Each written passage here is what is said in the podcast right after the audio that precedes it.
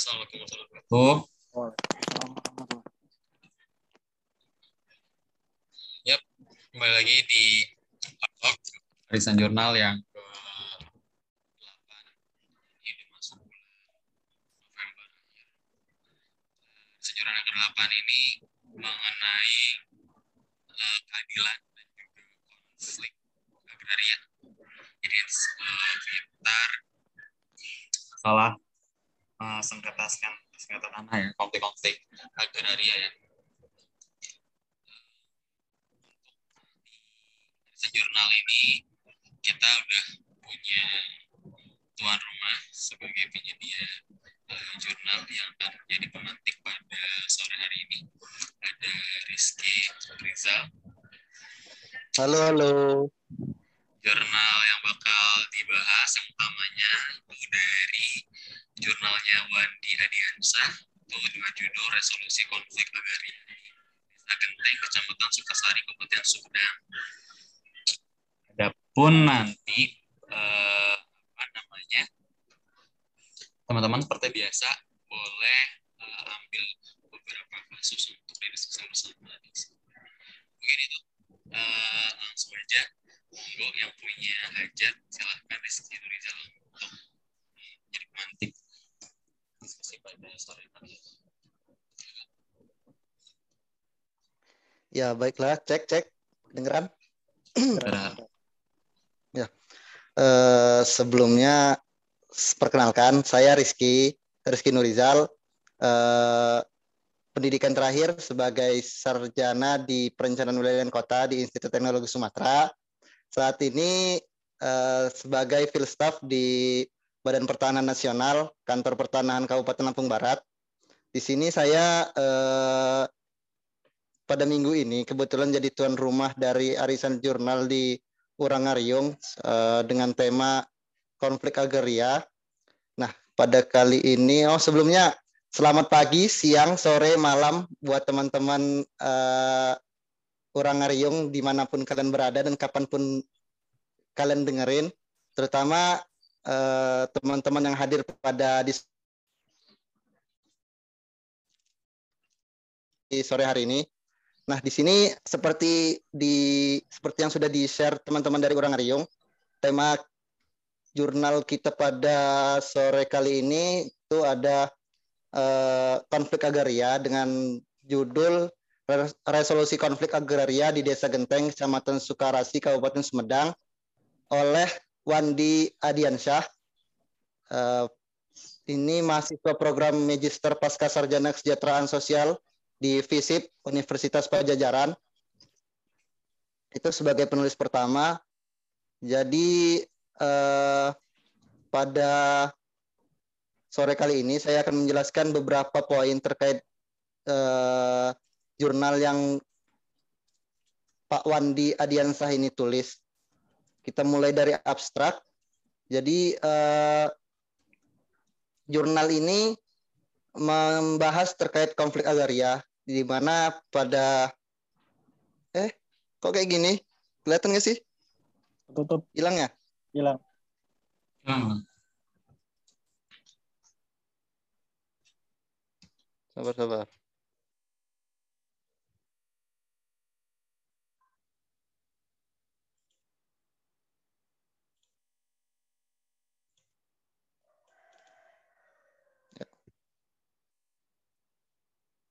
Ya, jadi eh, di sini Pak Wandi menjelaskan bahwasannya pada abstrak konflik adalah fenomena yang tidak dapat dihindarkan dalam masyarakat.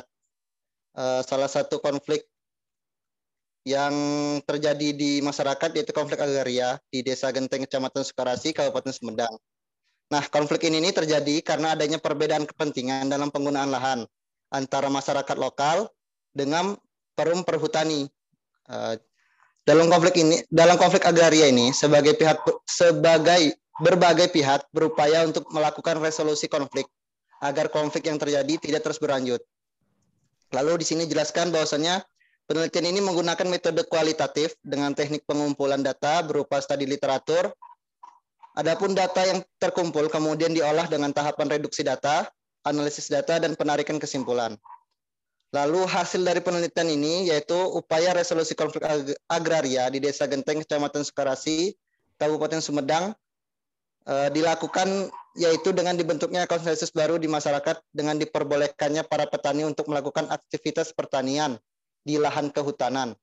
Namun dengan jenis tanaman tertentu yaitu tanaman kopi. Nah, dari eh, abstrak di atas yang telah saya bacakan tadi, eh, sedikit uh, menggambarkan bahwasanya telah terjadinya konflik ag agraria di mana konflik ini terjadi antara masyarakat lokal yang berada di Desa Genteng, Kecamatan Sukarasi, Kabupaten Sumedang dengan perum perhutani begitu. Jadi untuk lebih untuk lebih jelasnya saya jabarkan uh, sebagai berikut. Itu di pendahuluan bahwasanya Pak Wandi ini menyebutkan Eh, berdasarkan beberapa konsep mengenai konflik di muka, maka dapat disimpulkan bahwasanya konflik sosial adalah suatu situasi proses yaitu proses interaksi antara dua atau lebih individu ataupun kelompok dalam memperebutkan objek yang sama demi kepentingannya. Nah, eh, salah satu bentuk konflik yang terjadi dalam masyarakat yaitu konflik agraria seperti yang dijelaskan di eh, atas tadi.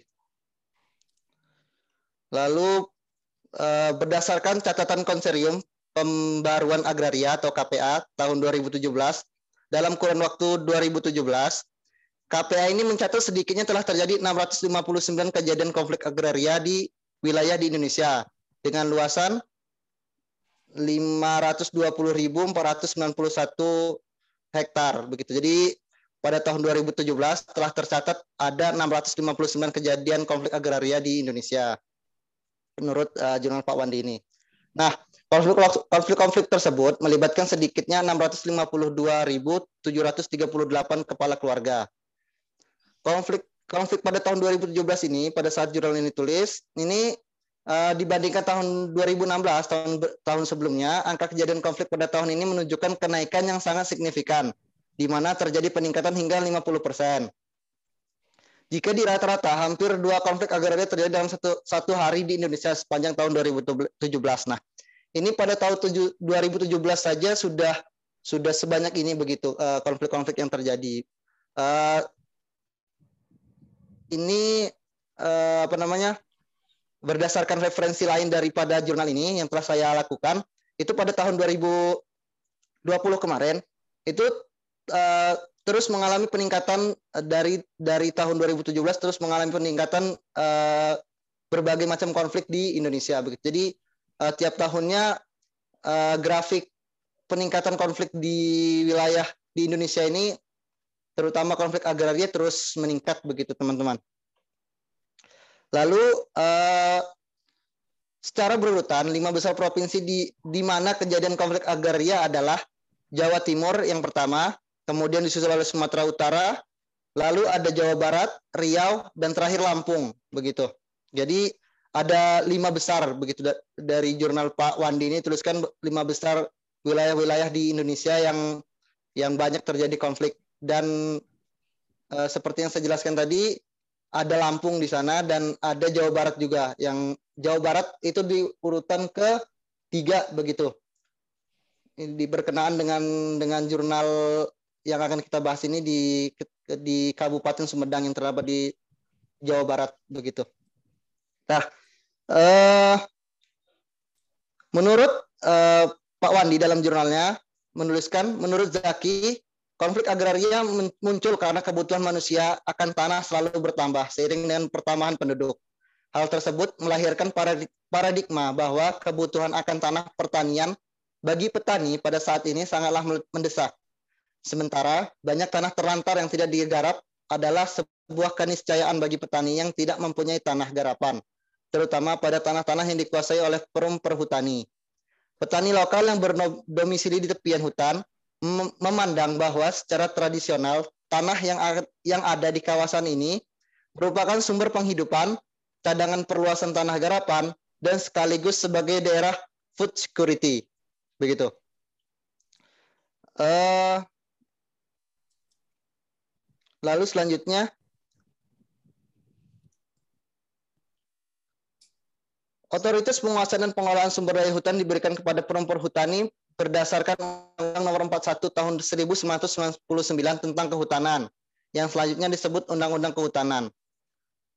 Uh, sebelum itu, maaf, bagi penduduk lokal, gangguan ekologi yang, da yang datang dari luar hutan akan mengancam kehidupan sosial dan ekonomi mereka. Sementara perusahaan pemegang hak penguasaan hutan memandang bahwa kawasan hutan merupakan tanah yang secara legal telah dikuasai negara kepada kepadanya untuk dikelola secara komersial dengan tujuan mendapatkan keuntungan yang sebesar-besarnya. Nah, jadi di sini di pendahuluan sudah dijelaskan bahwasannya bagi petani lokal eh, tanah yang di, yang dikelola yang ada yang ditempati mereka pada saat ini itu mereka panen sebagai tanah terlantar dan tanah dan mereka sebagai petani itu memandang bahwasanya tanah terlantar itu memang harus di di digarap begitu, digarap untuk ditanami tanam-tanaman bagi penghidupan mereka. Sedangkan Pak dijelaskan di pendahuluan ini eh, bagi perusahaan tanah itu sudah legal bagi mereka eh, diserahkan diserahkan kepada mereka oleh negara. Adapun otoritas penguasaan dan pengelolaan sumber daya hutan diberikan kepada perhutani ini ini berdasarkan pada Undang-Undang Nomor 41 Tahun 1999 tentang kehutanan Selanjutnya disebut Undang-Undang Kehutanan, di mana Forum Perhutani merupakan BUMN yang berada di bawah Kementerian Lingkungan Hidup dan Kehutanan. Hak yang dimiliki Forum Perhutani atas sumber daya hutan adalah hak pengelolaan yang berasal dari hak penguasai negara melalui tiga peran pokok, yaitu sebagai penguasaan tanah hutan, perusahaan kehutanan, dan institusi konservasi hutan.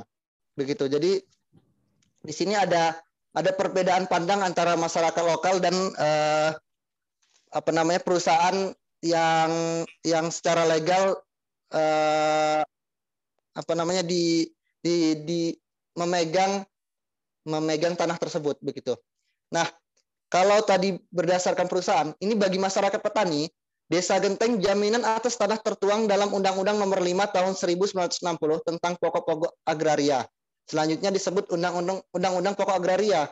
Jadi di dua sisi, yang pertama perusahaan itu berdasarkan Undang-Undang Pasal tahun 1999 itu mereka sudah sudah ada hak gitu, sudah di, diserahkan negara bahwasanya tanah tersebut itu di, mereka memilih hak untuk uh, tiga tadi uh, penguasaan tanah hutan, perusahaan kehutanan dan konservasi hutan. Sedangkan bagi masyarakat Desa Genteng mereka melihatnya dalam dalam sudut pandang Undang-Undang Nomor 5 Tahun 1960, yaitu Undang-Undang Pokok Agraria, di mana dalam undang-undang ini dijelaskan bahwasanya eh, penggunaan tanah itu haruslah dalam eh, penggunaan tanah harus haruslah dikelola dengan seadil-adilnya dan untuk masyarakat begitu. Jadi di sini masyarakat Desa Genteng melihat tanah tersebut itu sebagai tanah tanah tanah nganggur tanah apa? Tanah terlantar bahasanya tanah terlantar yang yang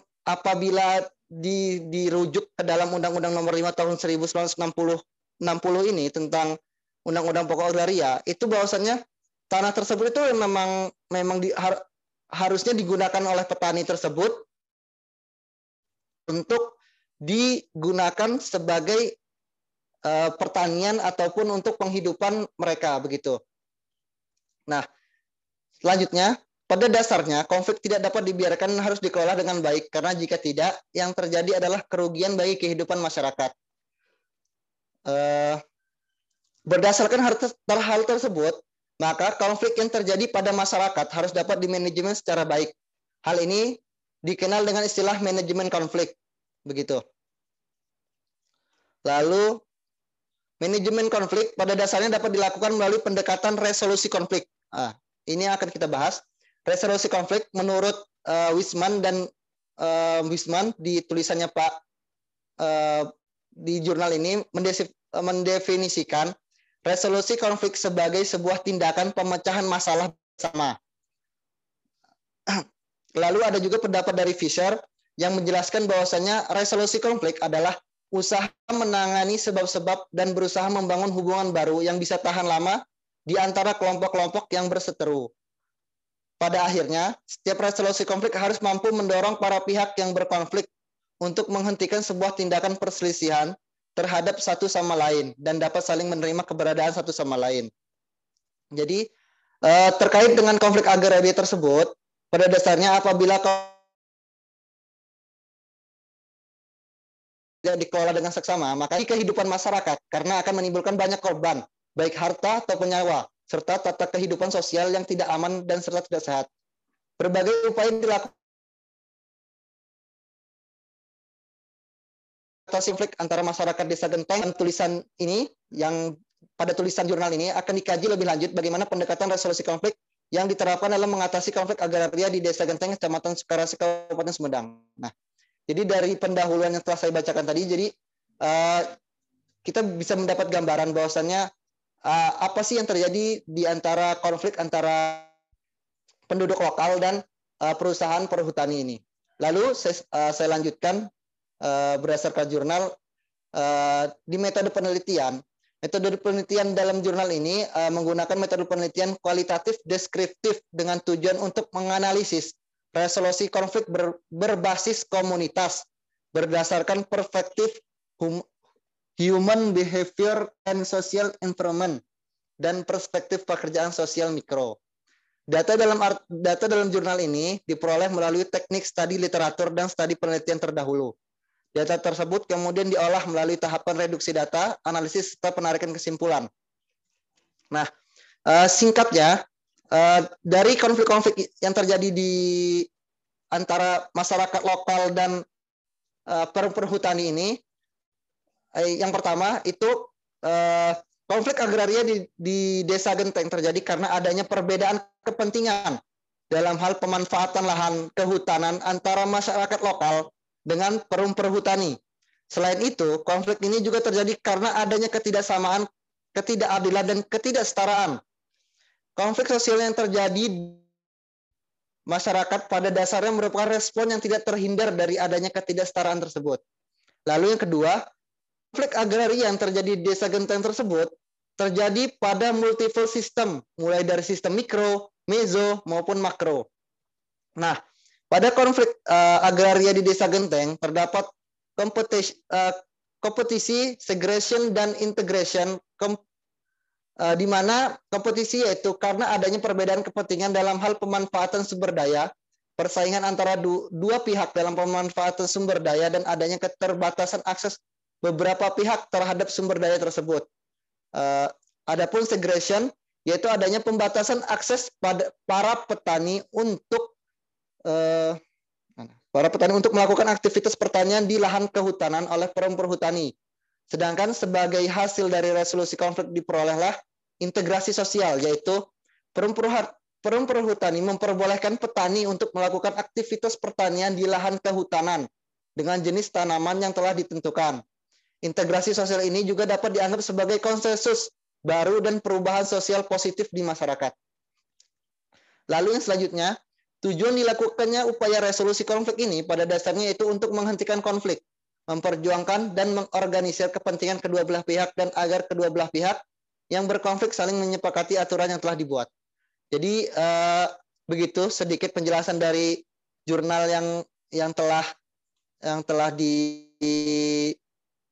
yang telah di yang telah, telah saya paparkan yaitu resolusi konflik agraria di Desa Genteng, Kecamatan Sukarasi, Kabupaten Sumedang oleh Pak Wandi Ar Adiansah. Uh, adapun teman-teman yang ingin uh, bertanya ataupun uh, penjelasan lebih lanjutnya, silakan uh, mari kita diskusikan lebih lanjutnya uh, kepada teman-teman yang had yang hadir pada diskusi sore ini ataupun teman-teman pendengar dari Urang Aryung uh, yang pada saat podcast ini tayang itu silahkan di komen aja. Mungkin nanti bakal kita diskusikan lebih lanjut. Terima kasih. Sekian dari pemaparan daripada jurnal kali ini. Mohon diskusinya dan mari kita berdiskusi. Terima kasih. Assalamualaikum warahmatullahi wabarakatuh. Waalaikumsalam warahmatullahi wabarakatuh.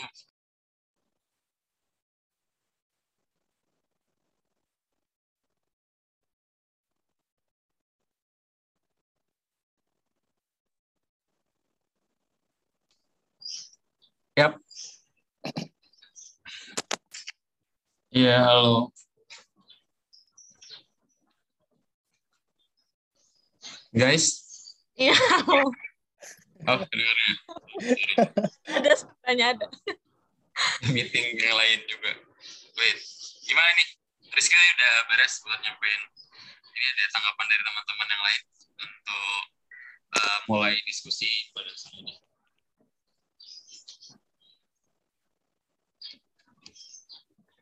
Aku share ini ya biar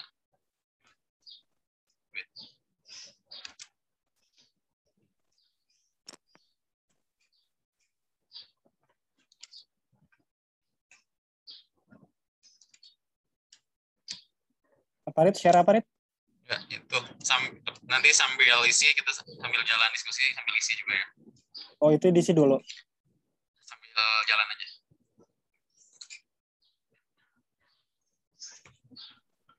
Uh, ya. Rizky, gimana?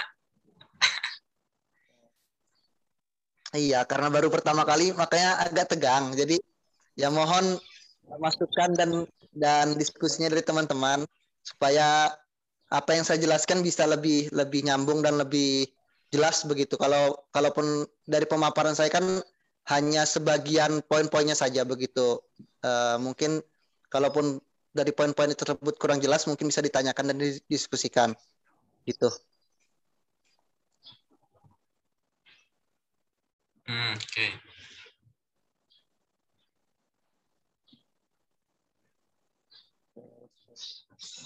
Mau nanya nih Ki, kan ini konflik agraria nih. Maksudnya langsung kayak ke poin di mana kayak ternyata konflik agraria ini kan disebabkan karena adanya perbedaan pemanfaatan antara kedua belah pihak kan. Nah, kira-kira uh, selama ini itu kan uh, ternyata kalau baca juga tingkat penyelesaian konflik agraria ini masih kecil banget ya. Nah, langkah-langkah yang udah dilakuin itu apa aja sih? Maksudnya sekarang kan kita lihat juga kadang-kadang konflik agraria ini uh, permasalahannya melebar ke kayak kekerasan. Misalnya kayak ada oknum-oknum yang yang yang barbar gitu istilahnya. Maksudnya jadinya lebih luas gitu permasalahannya dari barbar. konflik tanah ini doang gitu. jadinya kadang jadi ke kayak apa sih kalau di beberapa daerah perang saudara perang antar suku yang gitu-gitu. Maksudnya jadi kayak rekonsilia eh, apa namanya? Rekonsiliasi ya? Hmm, rekonsiliasi, rekonsiliasi ya rekonsiliasi yang udah dilakukan sejauh ini selain peraturan-peraturan itu tuh apa aja? Nanya itu dulu.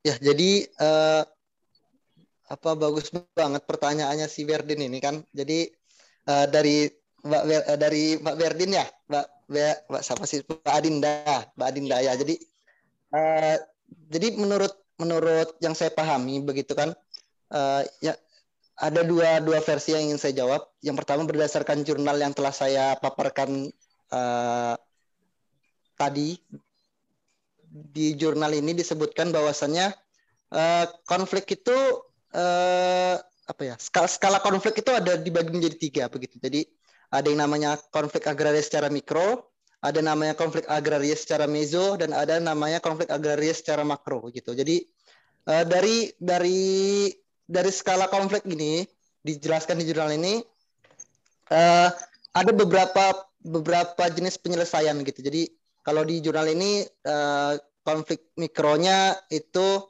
petani memiliki masalah terkait dengan tidak dimilikinya lahan petani pribadi gitu secara mikro. Sedangkan secara mezonya Nah, dipahami bahwasanya yang terjadi pada petani ini tidak tidak hanya secara individu melainkan kelompok yaitu kelompok ini di wilayah tersebut. Sedangkan untuk konflik agraria secara makronya itu dijelaskan bahwa masyarakat menjadi salah satu hal yang signifikan dalam memahami perilaku masyarakat. Jadi eh, mana yang sabar-sabar. Nah, jadi kalau kalau konflik makronya di sini disebutkan bahwasannya uh, melibatkan akses komunitas pada sumber daya alam begitu. Jadi untuk penyelesaiannya pun sendiri uh, kalau berdasarkan daripada penjelasan di jurnal ini itu kalau menurut saya itu memiliki penyelesaian yang berbeda-beda gitu kan. Kalau mikro mungkin hanya sebatas uh, mas uh, petani tidak memiliki lahan sendiri itu bisa secara kekeluargaan begitu. Kalaupun apa namanya permasalahan secara mezo, mungkin ini sudah melibatkan eh, instansi-instansi daripada seperti BPN, seperti apa namanya eh, lembaga kan begitu. Jadi untuk untuk untuk untuk penyelesaian ini sudah sudah sistematis begitu. Sedangkan untuk permasalahan makro sendiri ini biasanya sudah mencakup dari eh, penyelesaiannya sudah sudah men- em, sudah melibatkan daripada eh, Badan Pertanahan Nasional dari paten ataupun tingkat provinsi, sudah melibatkan Kejaksaan Tinggi dan Kejaksaan RI, sudah melibatkan kelembagaan polisi dari tingkat kabupaten dari tingkat eh, Polres sampai tingkat Polda begitu. Jadi jadi ber, berbag, eh, dari dari pun saja sudah sudah sudah berbeda begitu penanganannya dan seperti ditanyakan seperti ditanyakan eh, Mbak Berliana Adinda tadi bagaimana sih progres dari perkembangan penyelesaian konflik yang ada sekarang itu eh, menurut yang saya lihat gitu kan eh, kebetulan saya juga berlatar belakang sebagai salah satu staf di kantor pertanahan Kabupaten Lampung Barat begitu. Jadi penyelesaian konflik ini eh, sudah sudah sudah sudah ada jauh sebelum sebelum sebelum apa ya? Sebelum gimana sih? Penyelesaian konflik ini sudah sudah ada gitu. Sudah ada sudah sudah ada banyak gitu. Sudah ada banyak sebelum sebelumnya nah jadi eh, seperti yang saya jelaskan tadi kalau kalaupun penyelesaian konfliknya secara mikro itu sudah sudah banyak gitu loh penyelesaian penyelesaian konflik yang secara kekeluargaan secara secara eh, apa ya bahasanya ya? Ya secara kekeluargaan gitulah. Sedangkan untuk kalau untuk sistem mezo sendiri itu seperti yang dijelaskan di jurnal ini ada banyak sekali konflik yang terjadi di wilayah Indonesia. Sedangkan eh, penyelesaiannya pun harus harus bertahap begitu. Jadi kalau apalagi secara makro begitu kan. Contohnya saja di Lampung Barat sendiri itu masalah konflik agraria di di Sukapura gitu ada di wilayah Lampung Barat itu ada namanya Kecamatan Sukapura gitu. Ini konflik konflik agrarianya ini sudah skala makro begitu. Dan penyelesaian konfliknya pun sendiri itu sudah ber- berjalan berpuluh-puluh tahun begitu. Sudah 10 tahun 20 tahun. Dan baru selesai pada dan, dan baru berprogres signifikan. Pada tahun ini kemarin di ada dari Pak Wamen dari Wamen ATR BPN itu datang untuk penyelesaian konflik di Sukapura ini dan itu sudah berjalan berpuluh-puluh tahun begitu jadi kalaupun eh, progres daripada konflik yang terjadi di konflik-konflik agraria yang tergantung skalanya Mbak Mbak Mbak Berdin gitu. Kalaupun hanya konflik mikro mikro mikro saja ya banyak sudah banyak terselesaikan. Kalaupun eh, konflik makro ya tadi itu seperti contohnya saja di Sukapura ini sudah berpuluh-puluh tahun dan itu belum baru mendapat titik terang pada tahun ini begitu loh pada 20 tahun setelah terjadinya konflik begitu. Jadi kalau untuk gambaran pastinya sih belum ada. Cuman kalau untuk penyelesaiannya ya itu tadi berdasarkan skala daripada konflik tersebut begitu sih. Mungkin kalau belum jawab eh, pertanyaannya mungkin bisa ditanyakan ulang gitu. Soalnya agak grogi juga gitu. Ya, terima kasih. Iya, makasih Mas Rizky. Kejawab kok maksudnya gimana?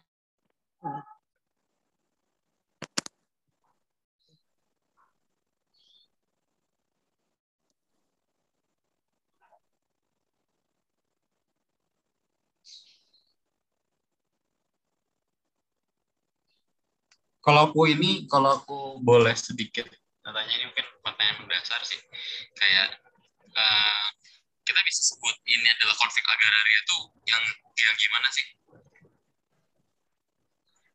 Apakah apakah eh, misalkan punya punya tanah Suara Warit. hilang-hilang.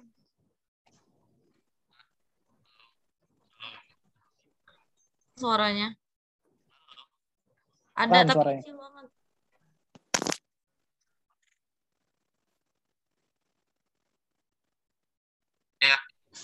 halo Halo. Ya, jelas. Iya ada ya, jelas ya. Iya, uh, mau nanya gitu, apa ini mungkin dasarnya aja, pengen lebih memahami lagi.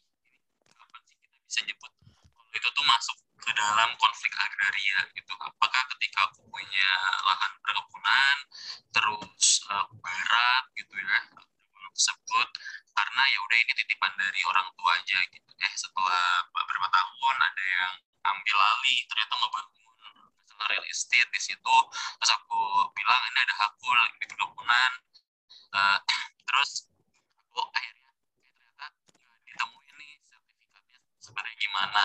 Apakah hanya seperti itu atau eh, ap- gimana nih biar apa biar eh, sama-sama punya gambaran yang jelas disebut konf de- sa- di mana sampai kita disebut konflik agraria itu eh, apa jadi jadi apa ya jadi konflik agraria itu seperti apa gitu?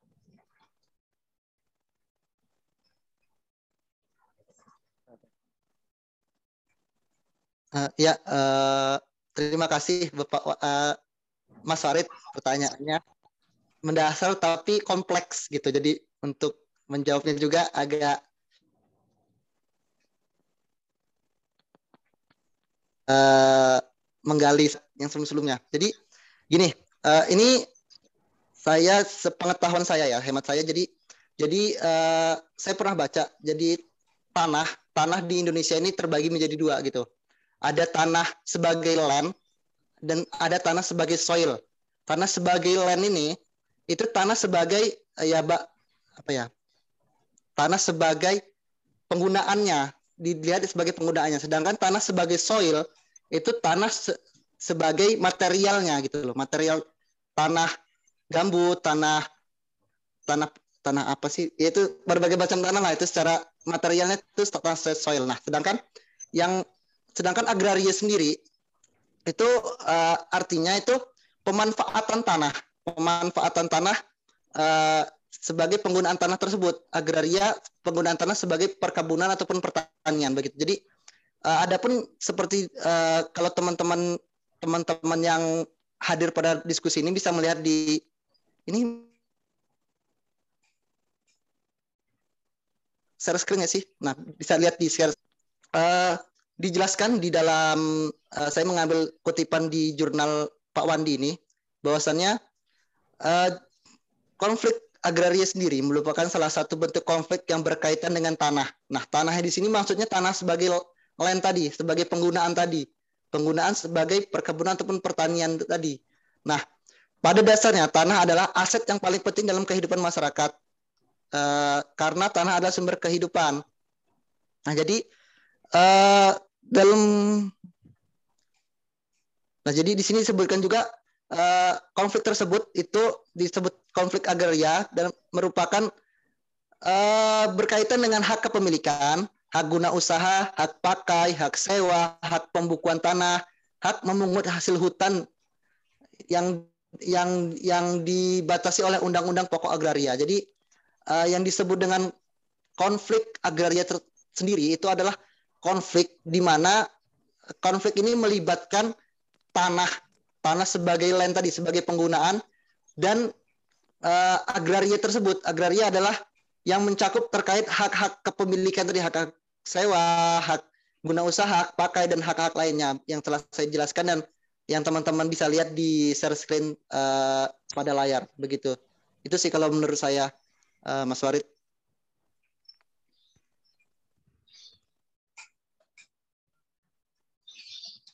Iya. Em, berarti intinya adalah hal yang menyangkut tentang apa namanya tentang penggunaan ya, berarti land ya, penggunaan tanah kan. Eh, ya ya betul eh, kalau kalau aku tadi ini sedikit apa searching gitu ya. Em, ada satu berita dari Kompas gitu ini bilang bahwa em, ini di tahun 2020 tuh ada 241 kasus katanya untuk konflik agraria dan yang tertinggi adalah sektor perkebunan.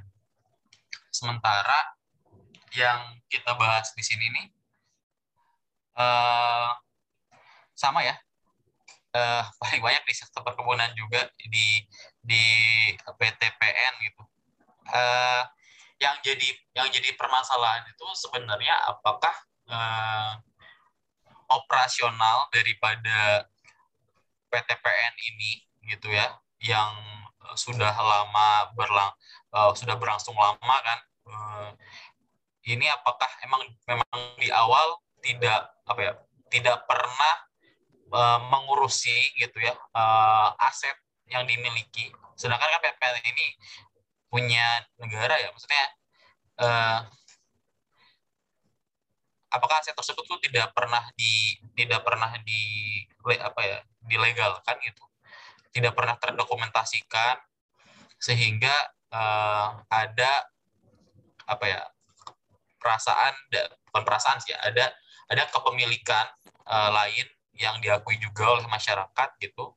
Uh, bahwa itu adalah tanah masyarakat dan tidak apa ya dan tidak tidak bisa dipergunakan uh, tidak apa ya perlu perlu ada perlu ada konsolidasi gitu antara ini ini uh, tanah dan ini ini milik PTPN ini milik uh, masyarakat gitu. Dan selama itu gitu uh, biasanya tuh kenapa gitu? Baru baru muncul baru diungkit uh, di tahun-tahun yang sekarang gitu yang kemarin nggak pernah gitu. itu ada nggak sih uh, pembahasan atau pernah nggak ada kasus yang pernah ditemuin? Karena kan di sini juga di bagian survei ya di bagian agraria gitu. Dan selama ini kalau misalkan terjadi hal yang seperti itu biasanya mana apakah langsung ke pengadilan gitu ya untuk diajukan sidang atau ada tahapan-tahapan tertentu yang biasanya dilakukan dan biasanya di pertengahan tahapan itu selesai gitu. Artinya uh, selesai dalam artian sama-sama tahu bahwa PTPN oke okay, ini ini lahan kami dan masyarakat juga oke. Okay, tapi uh, tapi tidak benar-benar pernah selesai. Itu seperti apa? Gimana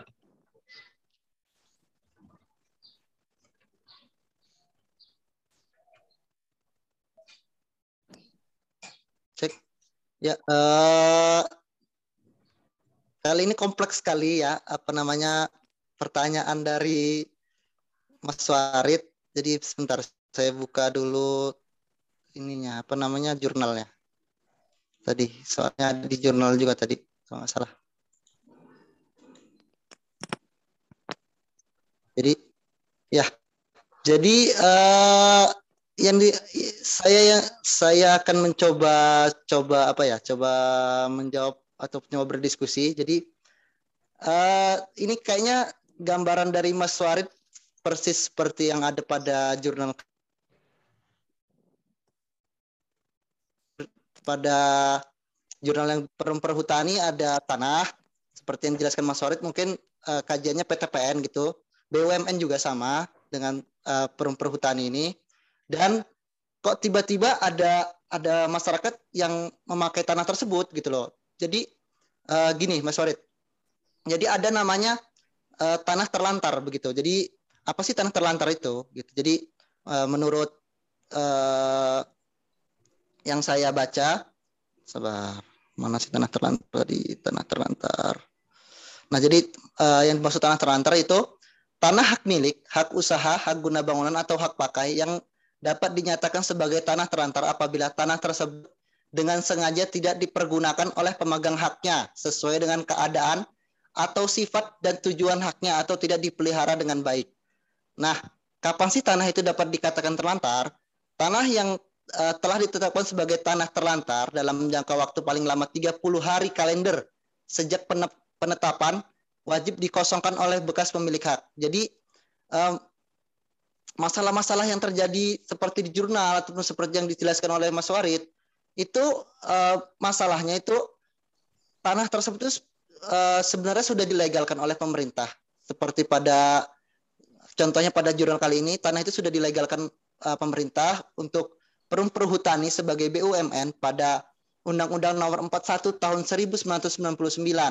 Namun masyarakat melihat tanah itu sebagai tanah terlantar begitu. Jadi uh, masyarakat juga punya punya dalih untuk untuk menggunakan tanah tersebut gitu berdasarkan Undang-Undang Pokok Agraria, Undang-Undang Nomor 5 Tahun 1960 di mana penggunaan tanah eh, penggunaan tanah ataupun lahan itu eh, harus untuk kesejahteraan masyarakat dan berkeadilan gitu. Jadi apa namanya ber, berkesinambungan dengan Undang-Undang Nomor 3 tahun eh apa sih yang 3333 itu yang tanah air bumi dan isinya untuk kepentingan uh, masyarakat gitu. Jadi itu berkesinambungan jadi. Nah, jadi sebenarnya ada ada dua dua dua dua dua perspektif yang berbeda. Makanya terjadinya konflik tersebut.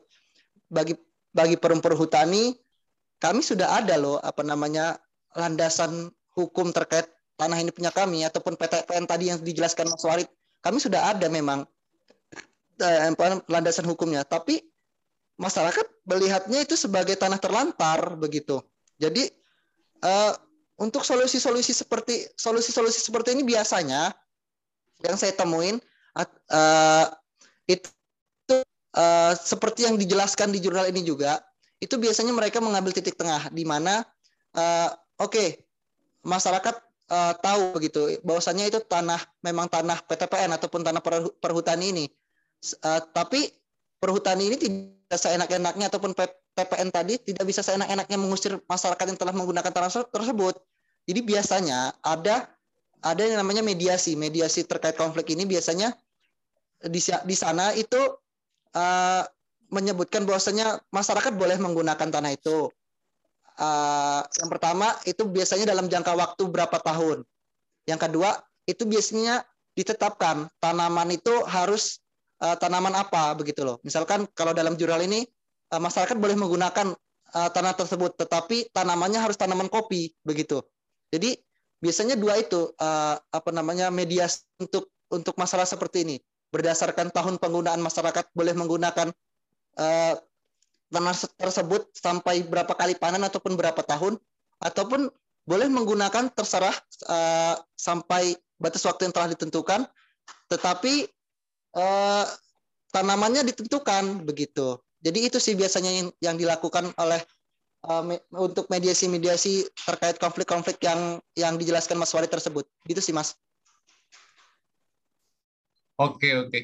Uh, ya berarti uh, artinya sebenarnya di dalam kasus uh, ini gitu ya. Uh, dan biasanya di beberapa kasus yang pernah ditemukan solutionnya adalah uh, sama-sama memahami uh, bagaimana si penggunaan lahan itu bisa apa ya namanya bisa tetap dimanfaatkan. Ya tadi untuk untuk masyarakat juga gitu ya. Um, berdasarkan tadi ya segala yang Ini mohon maaf ini ini memang sinyal saya yang rada jelek atau memang suaranya Mas Warid yang rada putus-putus ya teman-teman ya. Suaranya kurang-kurang putus. Suara Warid. Iya, jadi kurang ini Mas, apa namanya? Yang disampaikan Mas Warid secara lengkap gitu.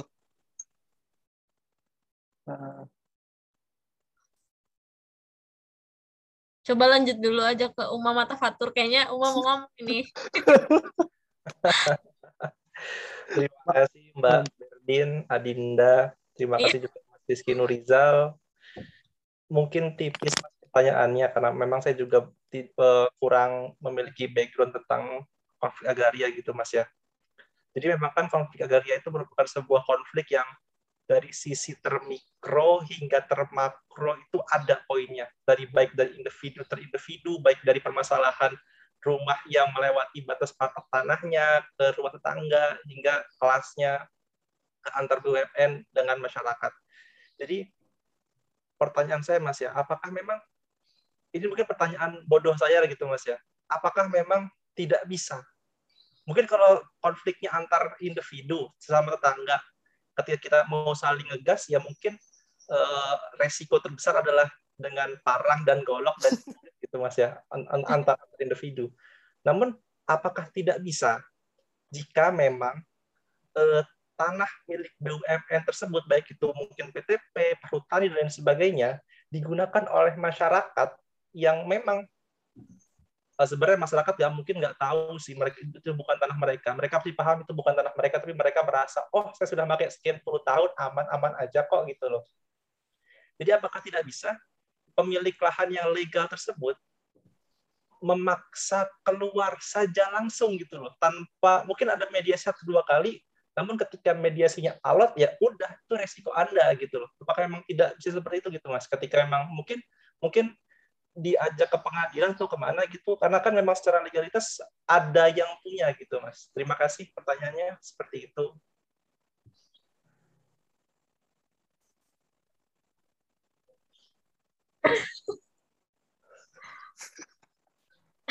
Gimana lagi ya ini kayaknya otak saya makin sore makin ini ya kayaknya makin apa makin lemot. Jadi kayaknya yang saya tangkap itu ini maaf kalau salah ya. Mangga, mangga. Kayaknya yang saya tangkap tadi terkait peperangan antara parang dan golok dan bagaimana biasanya gitu. Coba bisa bisa bisa diulangi nggak Mas Umam pertanyaannya? Kayaknya otak saya ini makin lemot makin sore. Eh, Putin masih kalau misalkan suara saya kecepatan gitu ya, Punten mohon diingatkan. Jadi memang apakah bisa nggak?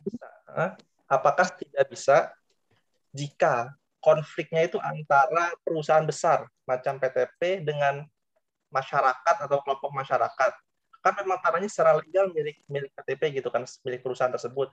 Apakah tidak bisa penyelesaiannya penyelesaiannya itu langsung aja gitu PTP ambil secara secara paksa gitu karena kan memang memang tanah mereka gitu loh. Mungkin mediasi sekali dua kali, tapi ketika mediasi kedua kali tidak menemukan titik terangnya, ya udah gitu mau apa gitu itu resiko pengguna yang ilegal gitu loh. Apakah apakah bisa seperti itu, Mas? Terima kasih. Nah, uh, ya, ya jadi gini, Mas Umam. Jadi uh, apa nggak bisa? Uh, itu kan kalau kalau konflik tadi itu seperti yang saya jelaskan itu berada di di di jajaran konflik mezo ataupun konflik makro. Nah, apakah nggak bisa bisa nggak sih penyelesaiannya itu seperti konflik mikro aja, uh, penyelesaiannya sebagai kekeluargaan ataupun tidak tidak usah melibatkan instansi-instansi terkait gitu. Jadi gini Mas Umam, kenapa itu disebut disebut konflik meso ataupun konflik makro? Karena karena uh, konflik tersebut itu sudah melibatkan bukan lagi individu melainkan kelompok. Yang tadi dijelaskan Mas Umam, uh, contohnya PTPN dengan kelompok masyarakat pertanian, kelompok tani ataupun yang jelaskan di sini uh, perhutani dengan kelompok petani, pertanian masyarakat begitu kan. Jadi di sini di, di yang pertama ini kon, apa namanya terkait penggunaan tanahnya pun saja sudah sudah melibatkan undang-undang itu di, di di di kedua belah pihak gitu. Yang pertama uh, perhutani ataupun PTPN ataupun apa itu sebagai legal ada ada apa ya ada undang-undang yang menjelaskan bahwa tanah itu milik mereka dan masyarakat juga masyarakat ini sebagai penggunanya itu mereka juga memiliki landasan terkait undang-undang. Apa sih undang-undangnya seperti yang saya jelaskan tadi? Ada yang namanya tanah terlantar, ada yang namanya uh, tanah apa namanya apa uh, Undang-Undang Nomor 5 Tahun 1960 di mana tanah yang ada di di di sekitar masyarakat ataupun tanah yang sudah dipakai masyarakat itu harus uh, uh, bisa tanah yang ada tanah yang dimiliki oleh negara itu bisa digunakan untuk oleh masyarakat untuk kepentingan kesejahteraan masyarakat dan untuk berkeadilan gitu gitulah pokoknya. Nah dari dari kedua pihak pihak pun sudah sudah memegang undang-undang itu loh, sudah berlandaskan undang-undang. Jadi kalaupun uh, penyelesaiannya penyelesaiannya secara kekeluargaan pun kalau kata Mas Umum tadi kenapa PTPN nggak nggak nggak nggak narik aja? Karena kan mereka sudah sudah memegang kepemilikan secara legal gitu loh. Nah petani, petani juga sudah sudah sudah memegang itu, sudah memegang undang-undang secara legal juga, Mas. Mereka ber, uh, bisa menuntut si PT si PTPN itu juga uh, ini kita kita nggak usah ngomongin PTPN lah. Si perusahaan itu aja, si perusahaan itu petani juga bisa menuntut itu gitu loh. Bahwasanya tanah itu tanah terlatar atau tanah apa tanah apa gitu loh. Jadi memang penyelesaian ini memang tidak tidak bisa secara eh, secara secara apa ya? Secara lawan siapa sih? Secara mikro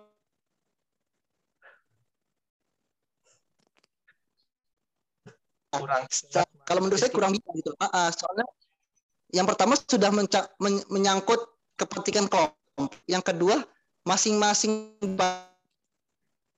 memegang uh, undang-undang undang-undang sendiri gitu. Jadi kalaupun satunya ngalah, satunya yang yang nuntut. Kalaupun satunya ini, satunya yang nuntut. Jadi memang nggak bisa secara keluar uh, saling nuntutan gitu loh.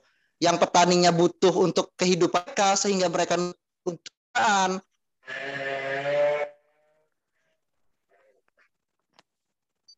PTPN-nya juga katanya kan gitu. Jadi memang tidak tidak kalaupun kata Mas Umam, kenapa nggak secara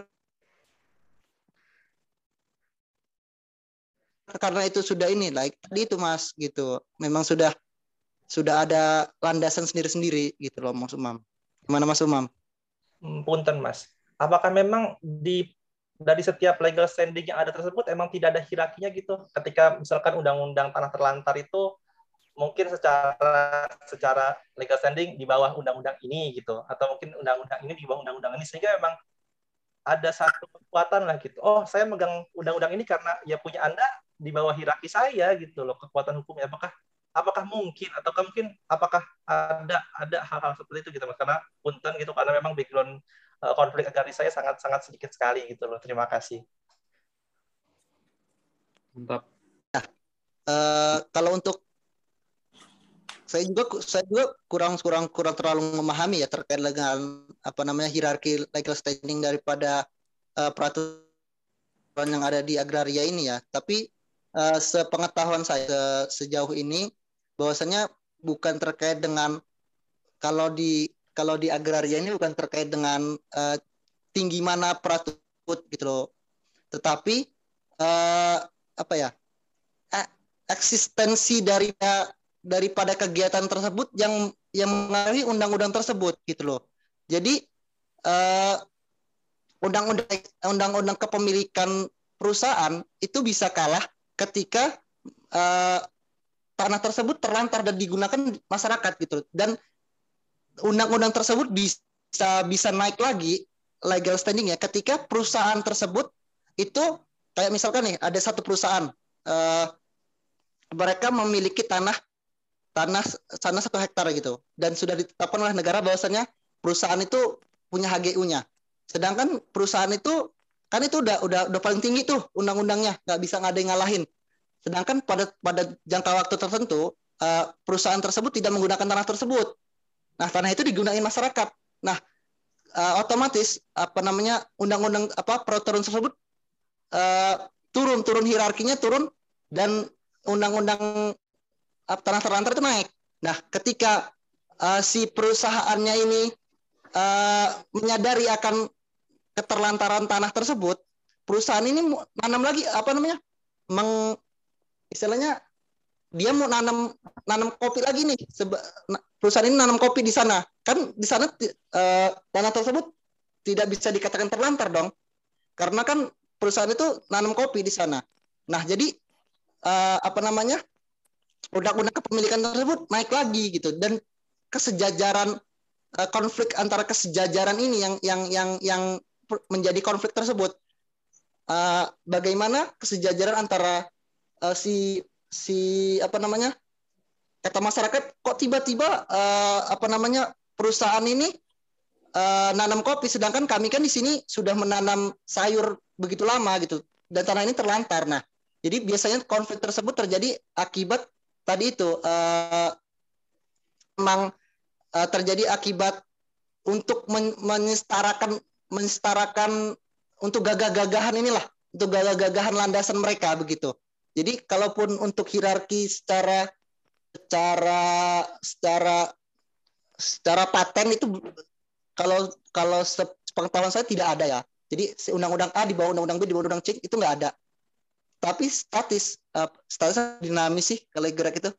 Dinamis gitu. Tapi undang-undang tersebut dinamis gitu. Jadi nah itu yang yang yang yang apa yang yang yang ber yang berpotensi menimbulkan konflik itu karena karena undang-undang itu dinamis tersebut. Gitu sih Mas Umam.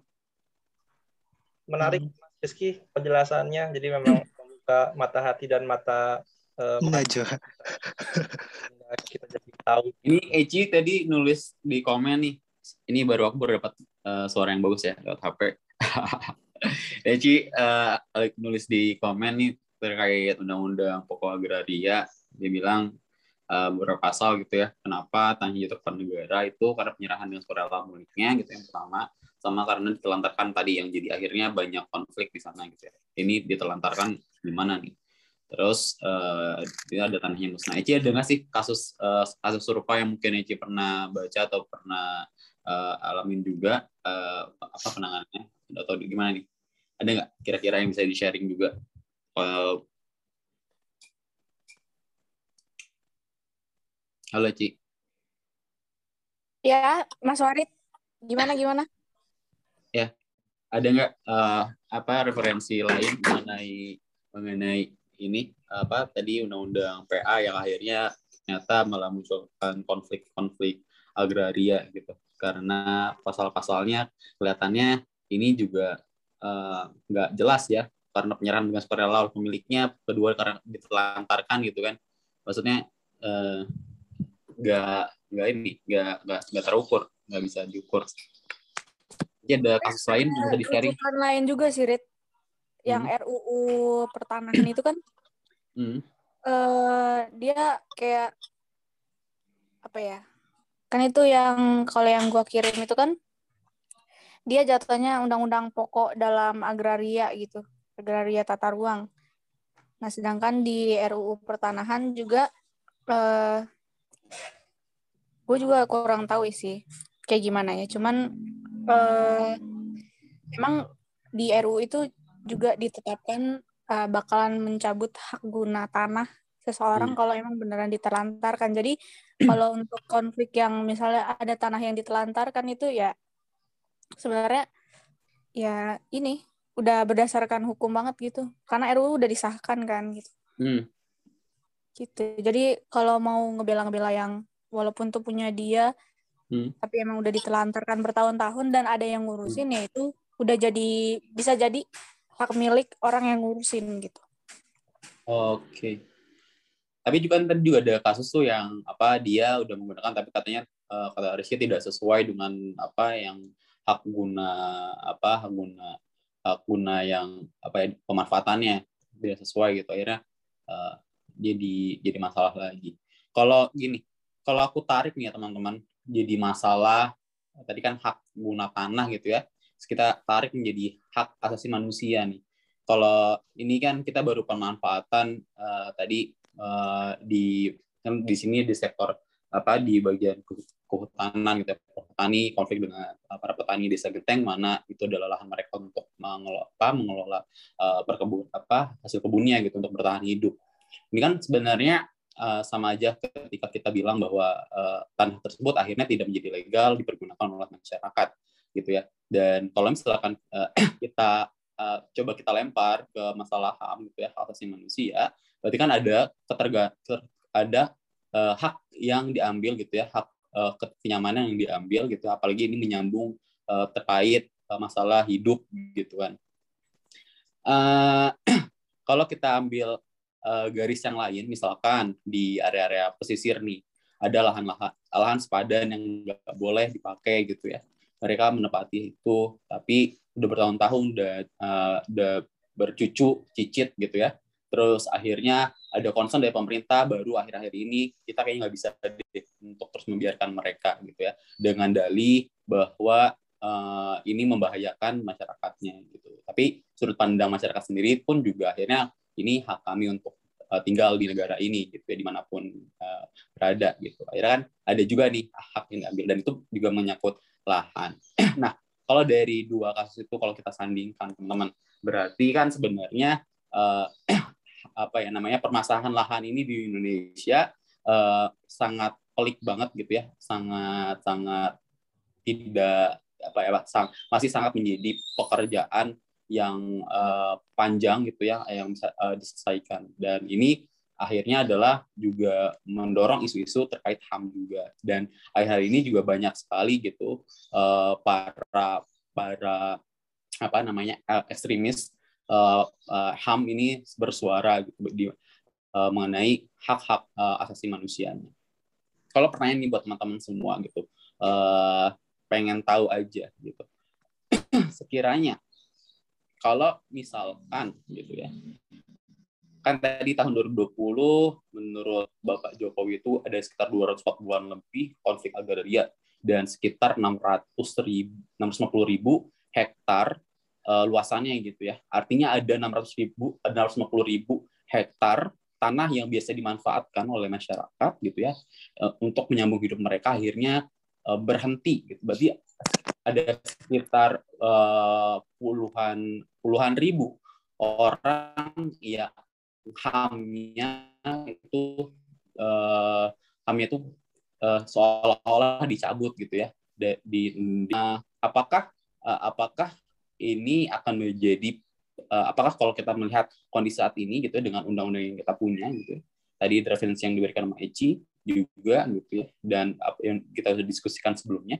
apakah dalam jangka waktu yang panjang ini ini akan terus terjadi dan semakin banyak gitu? Terus bagaimana sih uh, sebaiknya yang perlu dilakukan gitu ya baik dari kita masyarakat sebagai pengguna uh, pengguna uh, ini juga lahan juga gitu dan juga pemerintah dalam hal ini mengatur regulasinya boleh dari siapa siapa aja monggo izin warid saya mau mulai ya. sedikit menyinggung boleh itu ya ham bentuk antara ham hmm. dengan konflik agraria antara hmm. pekerjaan masyarakat ketergantungan hidup dengan legalitas tanah pandangan saya satu Eh, ketika kita menunjukkan HAM dengan agraria, apalagi antara pekerjaan, menurut saya tidak tidak make sense. Kenapa? Mungkin sedikit sedikit berbeda gitu pandangannya dengan Warid. Karena memang karena yang saya pahami dan yang saya yakini adalah ketika seorang menggunakan tanah, pasti mereka paham, mereka tahu mereka mengerti asal usulnya ataupun mereka mengerti tanah siapa ini. Pasti seperti itu. Pasti. Itu sudah pasti dijamin itu. Walaupun mereka di mana mereka bilang saya tidak tahu pasti mereka sudah memahami tanah siapa. Jadi ketika kita membahas mengenai uh, ham apakah ketika ada suatu tanah yang dicabut tanah milik masyarakat atau tanah yang digarap oleh masyarakat karena tanahnya diambil oleh pemilik yang asli terus ada satu pekerjaan yang hilang menurut saya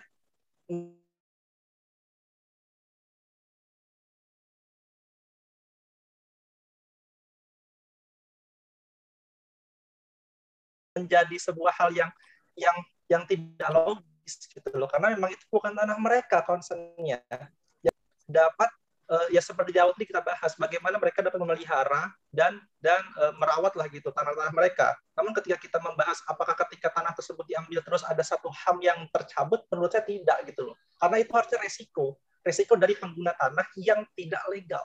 Menurut saya, itu menurut saya secara secara secara, secara umumnya seperti itu uh, balik lagi. Ketika satu tanah di, um, digunakan secara walaupun secara hukum bukan milik mereka dan terexcuse dan termaafkan terus menerus dengan bahasa ham dengan bahasa satu pekerjaan hilang maka menurut saya tidak akan selesai masalah ini. Harusnya ada sebuah edukasi yang mengajarkan bahwa itu bukan tanah anda dan jangan digunakan silahkan anda cari uh, silahkan anda cari mata pencaharian lain. Mungkin ini sedikit sedikit sedikit keras gitu ya tapi menurut saya hal tersebut merupakan hal yang yang patut di, di sering digaungkan dan sering diomongin gitu loh biar masyarakat juga terbiasa mendengar hal tersebut. Jadi jangan tiba-tiba tanahnya dicabut padahal padahal bukan tanah mereka. Terus mereka bilang ini mengganggu hak asasi saya ini mengganggu mata pencarian saya, anak-anak saya makan apa gitu loh. Padahal mereka juga dari awal tahu itu bukan tanah mereka gitu. Menurut saya seperti itu, Ari. Terima kasih. Uh, Mungkin ya, mau gini, juga, ya Rit. Ini juga sebenarnya PR buat pemerintah ya, selaku pemangku kebijakan. Apalagi kalau uh, apa namanya untuk yang ngeluarin sertifikat tanah, terus juga yang ngeluarin izin mendirikan bangunan, sama yang terakhir itu uh, dinas yang mengeluarkan pajak bumi dan bangunan. Itu harusnya PR banget. Karena kayak gini uh, misalnya nih kita ambil contoh aja tanah tanah-tanah KAI gitu. Kan seharusnya uh, udah keluar tuh. Itu misalnya luasan berapa itu punyanya siapa gitu. Tapi ketika ada masyarakat yang tinggal di sekitaran situ terus dia ngeklaim kalau itu punya dia dan dia daftarkan uh, apa hak tanahnya tersebut itu atas milik dia dan itu. Kadang ada yang jebol juga sih sertifikatnya keluar gitu. Dan itu yang PR banget buat pemerintah sempa, uh, sebagai pemangku kebijakan. Supaya yang kayak gini tuh ya nggak keulang terus menerus setiap. Ya dari dulu kan sampai sekarang kadang kayak gitu. Gitu ya sih betul banget Eci nanti pas udah keluar sertifikatnya digugat sama yang punya AU dulu jadi kelas lagi masalah lagi menarik sih emang uh, ya izin menanggapi ya dari dari pernyataan teman-teman tadi. Uh, jadi uh, yang pertama pernyataan dari Mas Umam tadi uh, gini Mas. Jadi kalau menurut saya itu kalau saya sih ini agak berbeda pandangan ya dengan Mas Umam. Jadi ini, jadi masyarakat itu memang sudah tahu bahwasanya tanah tersebut itu bukan milik mereka. Dan kenapa mereka bersikukuh untuk tidak tidak tidak mau diusir? Itu yang pertama, tanah itu, mereka sadar bahwasanya itu tanah itu milik negara. Dan apa gunanya undang-undang undang-undang nomor 3 ah, undang-undang yang 33 itu apa sih? Lupa saya. Adalah undang-undang yang 33 itu ya. Undang-undang tiga 33 tahun. Iya, undang-undang undang-undang pasal ah, itulah undang-undang 33 tahun 3333 itu lah air, bumi dan bangunan itu untuk kesejahteraan rakyat. Dan itu juga dijelaskan dalam undang-undang pokok agraria nomor 5 tahun 1960 bahwasannya eh, tanah negara itu digunakan untuk kesejahteraan negara dalam konteks yang berkeadilan begitu. Jadi mereka uh, mereka juga menuntut dong dari dari dari berbagai peraturan-peraturan undang-undang tersebut bahwasanya ini tanah pasti. Kami kan masyarakat, kami kan warga negara Indonesia, kami punya hak untuk menempati tanah ini tidak negara tidak bisa seenak-enaknya mengusir kami begitu. Walaupun kami sadar ini bukan tanah kami, cuman kan negara juga pun harus memfasilitasi kami yang ingin hidup, yang ingin berpeng, yang ingin tinggal di sini, yang ingin ber, bercocok tanam di sini gitu. Karena apa? Karena hak ini diatur dalam undang-undang loh, sudah dijamin oleh negara bahwasannya uh, orang miskin orang ini dijamin ditanggung oleh negara begitu loh dan dan dipertegas dalam undang-undang yang tiga tiga tadi dan dipertegas dalam undang-undang pokok agraria tadi. Nah, jadi uh, negara pun tidak bisa seenak-enaknya mengusir mengusir mengusir masyarakat yang sudah tinggal di sana, yang sudah sudah bercocok tanam di sana begitu karena hal ini juga diatur oleh undang-undang. Dan tadi uh, me, me, me, me, me, apa ya?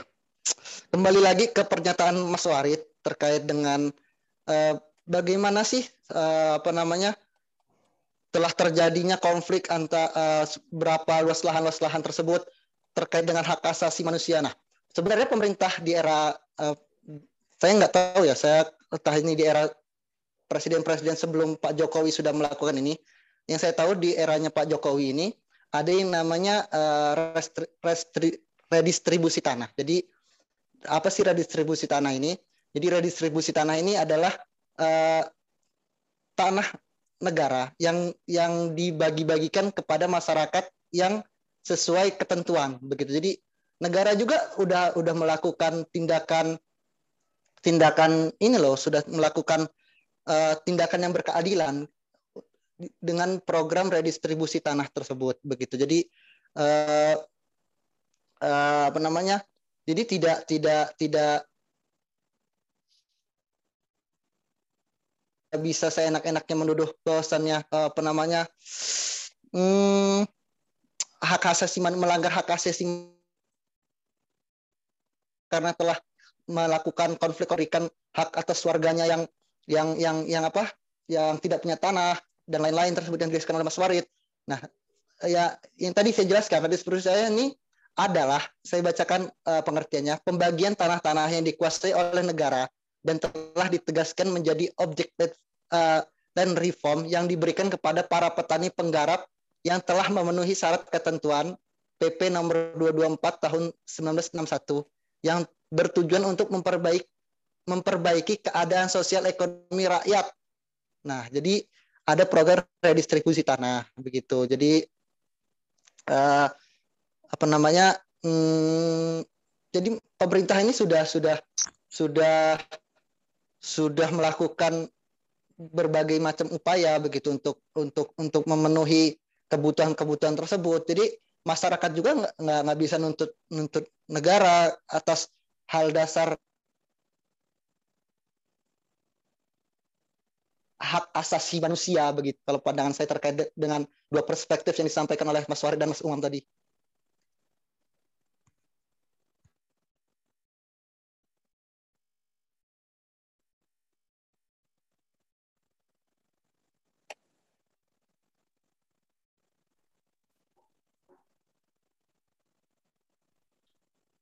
Monggo Mas Patur. Aduh, saya tuh lagi ada tugas. Baru dikirim habis baca. Ini mau mau nanggapin sama mau sekalian nanya sih. Iya, Maksudnya sama saya juga. uh, iya kan? Oh, Fatur. Fatur dulu. Enggak, biar dulu ya, Bapak Ber. Biar dulu, Mungkin- Ber. Mungkin searah sama kata Rizky ya. Maksudnya kayak em, karena memang eh, tanah tersebut terlantar, jadi dimanfaatkan sama masyarakat gitu.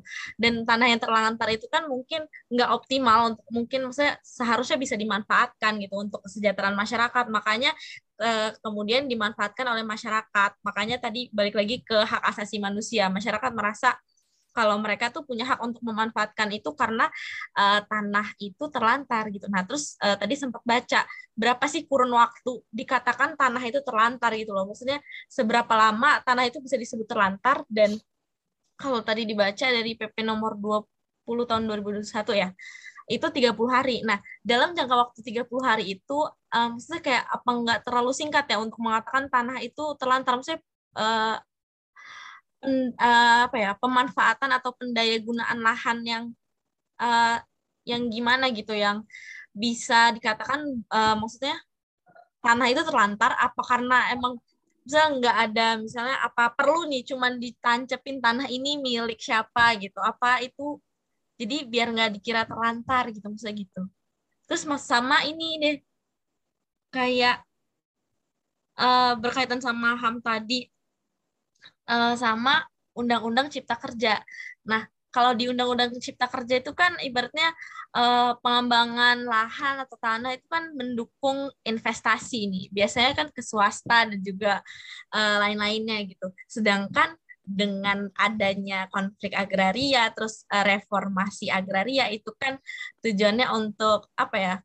eh, ke ini ke kesejahteraan masyarakatnya ya baik lagi gimana masyarakat itu bisa dapat hak juga untuk memanfaatkan dan juga eh, apa namanya? Ya itu maksudnya gitu. Eh ya gitu. Coba tolong eh, mungkin Fatur atau yang lain yang mau tambahin atau menjawab. Gak makasih mau, gak mau jawab gue, Ber. Gue paling mau mau mau ngomong aja terkait konflik agraria. Kan kalau misalkan saya lihat tuh kan emang kalau misalkan lihat undang-undang kan tanah semua itu kan milik negara zaman dulunya ceritanya kan kayak gitu yang sesuai undang-undang kan.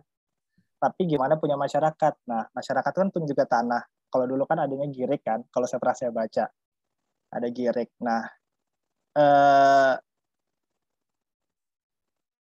kenapa undang-undang agraria itu dibuat? UPA tahun 1960 kan itu kan buat ibaratnya kan kalau ada isu-isu sosialisme semua itu tuh makanya dibuat di eh, di undang-undang juga kan sosialis. Kalau saya baca tadi sih barusan intinya kayak gitu.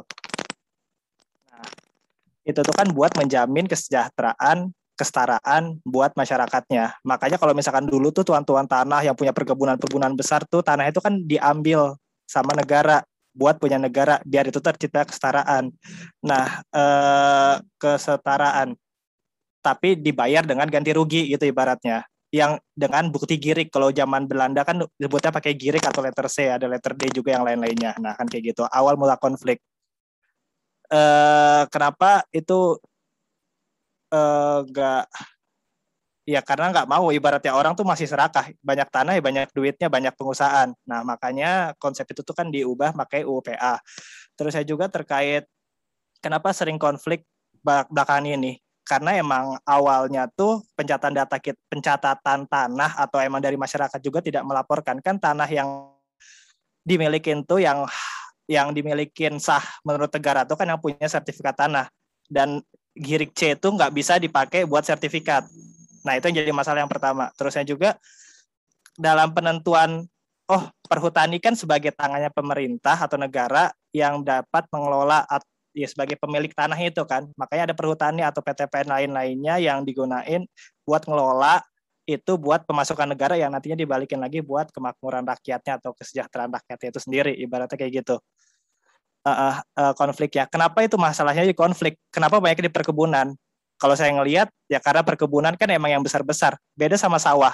Sawah tuh emang konfliknya juga internal kecil sama kecil gitu loh.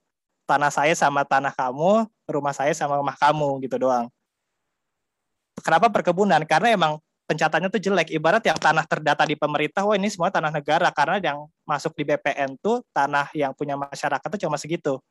Kurang lebih kayak gitu lah. Kalau saya ngelihatnya masalahnya, kenapa banyak pencatatan, apa banyak masalah konflik tuh di perkebunan dan belakangan ini banyak terjadi ya kayak gitu karena emang data cacat, eh datanya cacat. Terusnya juga kenapa uh, masalah tadi disinggung juga kan masalah HAM terkait kayak gitu gitu terkait HAM. Nah, terusnya juga kalau misalkan apa ya? Uh, kan emang intinya kan semuanya kan buat kesejahteraan rakyat, intinya kayak gitu kan intinya. Makanya pemerintah juga kan belakangan ini kan bikin konsensus juga. Makanya ada ibarat ya emang itu tanahnya hak kelola aja dipegang PTPN, tapi mungkin saat itu tuh dia nggak mampu buat ngelolanya, makanya banyak tanah telantar dan masyarakat gatal juga mungkin kan. Saya mau kerja dari mana? Ih tanah itu jelek gitu kan daripada banyak ular. Mendingan saya kelola buat manfaatin. Saya tahu itu emang salah gitu kan ibaratnya. Tapi kita bertahun-tahun ya mengelola itu dibiarin terus biarin terus sampai mungkin ada peng, ya udah ada kemampuan finansial dari perusahaan buat ngelola tanah itu makanya mau dipakai buat perusahaan.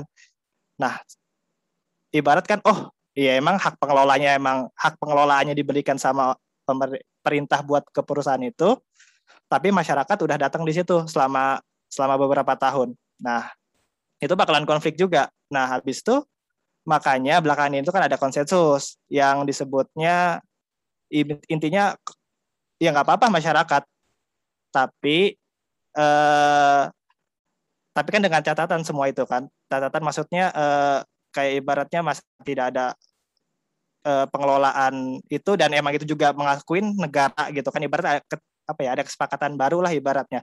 Pemerintah juga dapat dari pengelolaan itu ya, pengelolaan tanah yang diberikan masyarakat. Soalnya kan kalau misalkan contoh juga di kan kopi di Sumedang di desa Sukasari pun dia juga eh, bayar berapa persen dari hasil panennya buat perhutani. Ibaratnya perhutani pun nggak hilang pendapatannya dari lahan dipakai. Cuma bedanya yang ngelolanya awalnya dia sendiri sekarang di warga ibaratnya. Untungnya tuh jadi nggak masuk perhutani sendiri gitu. Jadi ibarat jadi bisa dapat warga juga sih karena dari pengelolaan dan bayar ke perhutani kayak gitu. Ibaratnya ya ibaratnya win-win solutionnya paling yang terbaik kayak gitu. Walaupun emang jelas tapi kan nggak nggak ada salahnya sih walaupun emang melanggar tapi ada konsensus baru yang sama-sama menguntungkan.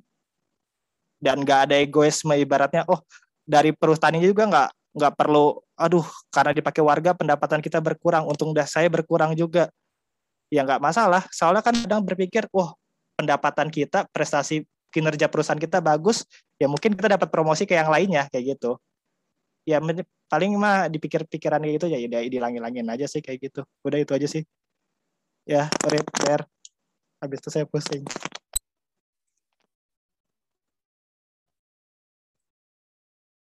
Kalau ada yang salah tanggapin aja.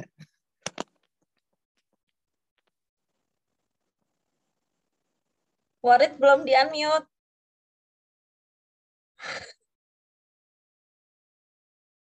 Kayaknya Marit merem itu. Sorry, sorry. Aku pakai dua device nih. Satu pakai HP, satu pakai laptop. Ini HP biar jelas suaranya. Um, ya, aku mau share screen hasil mentinya dong. Boleh diturunin dulu layarnya, Rizky? Oke, okay, thank you. Um, Uh, ya. Ya, ini uh, kalau yang belum diisi boleh diisi juga. kalau dari dari banyak tadi yang udah kita bahas bersama gitu ya mungkin ada kesepakatan bersama dari kita juga bahwa pertama eh, konflik agraria ini memang masih menjadi PR besar di Indonesia dengan catatan tadi bahwa beberapa apa lahan atau konflik yang terjadi masih sangat banyak dan luasannya juga begitu luas gitu ya dan itu memang ada di sektor yang perkebunan tapi sudah dijelaskan oleh Fatur juga. Kenapa? Karena ya uh, perkebunan sendiri pun nggak ada yang cuman satu kotak dua kotak kayak sawah gitu. Akhirnya memang tidak tidak terpetakan dengan jelas tidak tercatat dengan jelas akhirnya tertimbul konflik adapun juga tadi mengenai uh, peraturan yang sudah tertera gitu akhirnya juga uh, Berin tadi menyinggung bagaimana uh, lahan tersebut dikatakan bahwa tidak apa namanya uh, tidak ditelantarkan itu uh, ketika tidak digunakan selama kurang waktu 30 hari. Yang mana kita juga kapan untuk melakukan penilaiannya gitu. Dimulai dari kapan kita bilang itu 30 hari kita nyatakan bahwa itu tidak bisa digunakan lagi gitu. Dan juga bagaimana uh, ini ternyata sangat berpengaruh sekali gitu terhadap uh, masyarakat gitu. Dalam hal ini dalam penggunaan lahan dan juga perusahaan gitu ya. Dalam hal ini ada PTPN tadi dan kasus yang kita sudah bahas. Sebenarnya tadi ada ada solusi yang tawarkan dari eh, kasus-kasus yang ada yang ada gitu ya dari Fatur misalkan tadi di Sumedang gitu ya. Uh, akhirnya PTPN uh, dan juga masyarakat membuat konsensus gitu bahwa ya udah silahkan saja dipergunakan uh, lahan yang ada karena PTPN sendiri pun juga sekarang tidak menyanggupi untuk menggarap seluruhnya dan masyarakat bisa menggarap lahan yang uh, tadi dikatakan terlantar itu gitu ya menjadi satu nilai dan ternyata juga ada sumbangsi yang disertakan juga ke perusahaan. Akhirnya ada ada apa ya pemanfaatan lahan gitu ya, tidak ada lahan yang tertidur seperti itu atau yang terlantarkan. Nah, dari uh, kalau kita uh, lihat di sini sepertinya ada ada yang apa ini ada ada beberapa kata uh, legal ilegal keadilan uh, ham banyak kepentingan pelik kompleks ngegas ya, kesetaraan uh, kesejahteraan uh, rumit pemanfaatan lahan gitu ya. Yang pada intinya kita bisa ambil kita tarik garis besar payungnya adalah uh, uh, ya masih masih bermasalah sangat sangat bermasalah gitu ya masih masih banyak menimbulkan menimbulkan apa namanya uh, permasalahan uh, yang berkepanjangan gitu ya yang dan juga bahkan sistematis gitu ya terstruktur sistematis gitu ya. Karena uh, ya seperti tadi yang dibilang oleh Fatur gitu ya letter C itu uh, apa masalahnya juga uh, apa pencatatan di desanya juga kadang-kadang juga kan nggak jelas gitu. Mereka nggak melakukan updating pembaharuan. Akhirnya untuk pelacakan misalkan nanti pada saat peradilan misalkan sidang untuk memutuskan bahwa ini adalah hak siapa dan ini siapa pun juga tidak bisa dibuktikan dengan benar gitu kan tidak dibuktikan dengan konkret. Jadi memang sangat masih sangat bermasalah sekali gitu. Ketika tadi dikaitkan juga dengan HAM ternyata uh, uh, ada gitu ya, ada sebagian yang berpandangan bahwa ini um, apa namanya juga berkaitan dengan hal yang di uh, yang yang terganggu juga juga yang merasa bahwa ini ya itu dari dari per dari uh, pemangku kebijakan juga yang memang belum benar-benar jelas memberikan batasan gitu ya antara bagaimana uh, tanah negara ini bisa dimanfaatkan dan dimanfaat dan bermanfaat untuk masyarakat uh, atau warga negaranya sendiri gitu. Dan menurutku uh, gitu ya uh, ini Indonesia ini uh, benar-benar bisa apa mungkin unik gitu ya kan kayaknya di kayaknya untuk konflik agraria ini nggak tahu mungkin kalau misalkan kayak yang di Singapura kan mereka bahkan apa ya pencatatan aset tuh sampai ke pohon ya persatuan pohon tuh eh, tercatat sebagai aset gitu. Ya. Kalau di kita ini kayaknya ini tanah uh, luas banget gitu ya. Silahkan kita miliki bersama gitu ya. Uh, kita miliki bersama, kita pergunakan sebaik-baiknya gitu ya. Jangan sampai ada satu warga negara yang terlantar tidak mendapatkan uh, apa namanya manfaatnya gitu ya. Bisa dipergunakan sebesar-besarnya. Ini juga sebenarnya menjadi salah satu apa namanya perwujudan daripada uh, apa namanya daripada uh, ajaran ajaran agama sebenarnya uh, untuk uh, bisa uh, menggunakan seluruh sumber daya yang ada demi kepentingan uh, umat manusia kayak gitu. Uh, kayaknya udah panjang banget ya mengenai konflik agraria ini dan uh, sepertinya memang akan terus menjadi konflik dan tidak berkesudahan nih karena tadi yang sempat Eci singgung juga gitu ya uh, bahwa ya masalahnya juga ini dari tingkat pemerintah gitu ya uh, beberapa kali juga kecolongan gitu ya uh, uh, di, tanah-tanah yang leg, leg, apa ilegal dilakukan sertifikat gitu ya. Walaupun mungkin sekarang Jokowi ini sangat gencar-gencarnya nih buat sertifikat tanah gitu ya. Lagi gencar-gencarnya buat sertifikat sertifikat tanah secara gratis. Apa sih namanya? Uh, apa sih namanya? GTRA itu kan sih? Tadi uh, yang bagi-bagi itu loh yang suka sekalian ada sepeda gitu kan? Redistribusi tanah. Oh itu redistribusi tanah namanya. Yang sertifikat gratis ya? Hmm, iya betul, redistribusi tanah. Itu GTRA bukan sih, Teo? Apa beda? Ya, bu bukan. Kalau GTRA itu gugus tugas reforma agraria itu pemberdayaan tanah, pemberdayaan tanah masyarakat. GTRA. Oke, ya itu.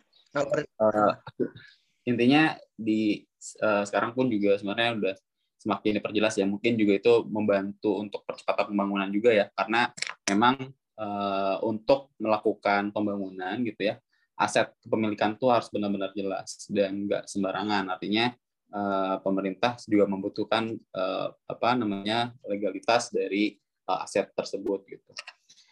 Um, kalau kita tarik lagi ke, ke pembangunan ini bakal panjang lagi gitu ya teman-teman. Uh, mungkin juga udah 17.34 ada mungkin ada dari teman-teman yang uh, mau namain sedikit sebelum nanti kita lempar ke Rizky Rizal untuk kasih statement terakhirnya konflik agraria ini dan menunjuk arisan uh, apa ya pemilik ruang tamu berikutnya untuk arisan jurnal uh, di minggu depan. Ada teman-teman yang mau tambahin?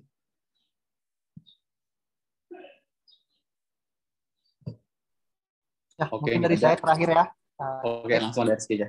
Ya, jadi uh, ya pemerintah dan negara itu sudah sudah me, mengusahakan terkait penggunaan tanah ini supaya tidak terlantar begitu dengan dengan program-program uh, seperti redistribusi tanah, seperti pemberdayaan tanah bagi masyarakat itu di RA. Jadi sudah banyak program-program dari mas, dari pemerintah itu yang sudah merujuk untuk pemberdayaan dari masyarakat terkait dengan tanah tersebut dan untuk meminimalisir meminimalisir konflik yang ada. Namun konflik ini terus terus ada karena apa? Karena ya kita hidup secara sosial gitu. Dan hidup secara sosial ini kita akan terus ber, bersinggungan terus bergesekan. Jadi konflik ini tidak tidak tidak se seakan-akan lancar begitu saja, tetapi konflik-konflik yang ada sudah sudah sudah ditangani oleh pemerintah sebagai se, sebagaimana mestinya dan dengan program-program ada. Jadi tugas kita sebagai uh, masyarakat yang yang melek akan uh, melek akan apa namanya regulasi ataupun akan itu mari kita dukung uh, apa namanya program-program dari pemerintah untuk uh, penyelesaian meminimalisir konflik dan untuk um, terus melakukan pemberdayaan dan uh, apa ya pemberdayaan tanah dari masyarakat tersebut untuk meminimalisir konflik yang ada gitu. Jadi itu sih dari saya mungkin pesan-pesan terus mendukung program-program yang ada. Oke, okay. langsung dong tunjuk siapa buat uh, Ersan minggu selanjutnya. Kesepakatan aja lah kita. Siapa yo yang mau besok kira-kira? Kalau dari Kalau dari Fatur gimana Tur? Apa anak baru kita ini aja si Eci? Apa gimana? Saya ikutan terus si Eci-nya. Eh, maaf eh, jangan nih. Eci. Gua gua tiap hari ini ada kesibukan biasalah bungkus. Ini cuma hari Minggu kok, Ci. Enggak setiap hari. Dua minggu lagi. Lagi hari. Ngapain gua? Ya ini cuman bacain jurnal doang. Insya Allah, iyalah. Udah. Oke, Ci. Eci udah kegambar belum Ci? Temanya apa Ci? Kira-kira besok yang mau yang mau kita bahas? Saya mau bahas itu, boleh nggak sih? Wah. Gak tau lah gue mau bahas apa ya. Yang Apa? jelas gue nggak bakalan bahas infrastruktur sama transportasi sih. Udah deh. Nanti sekalian sekalian mikir-mikir nanti di WA aja ke Warit dua minggu lagi ya, ya acaranya. Minggu depan siapa emang? Lu gak ada ya? Gak ada Agenda. sekali. Emang acaranya dua minggu sekali Ci. Ya insya Allah lah. Ada jalan. Belum nih, belum kepikiran mau ngomongin apa. Ya, apa ya? Menghembuskan nafas itu loh. Apa ya kawannya? Belum loh, belum kepikiran. Nanti saya chat aja ya, Bapak Warid ya. Oke deh. Eh, Rizky cukup? Ada lagi?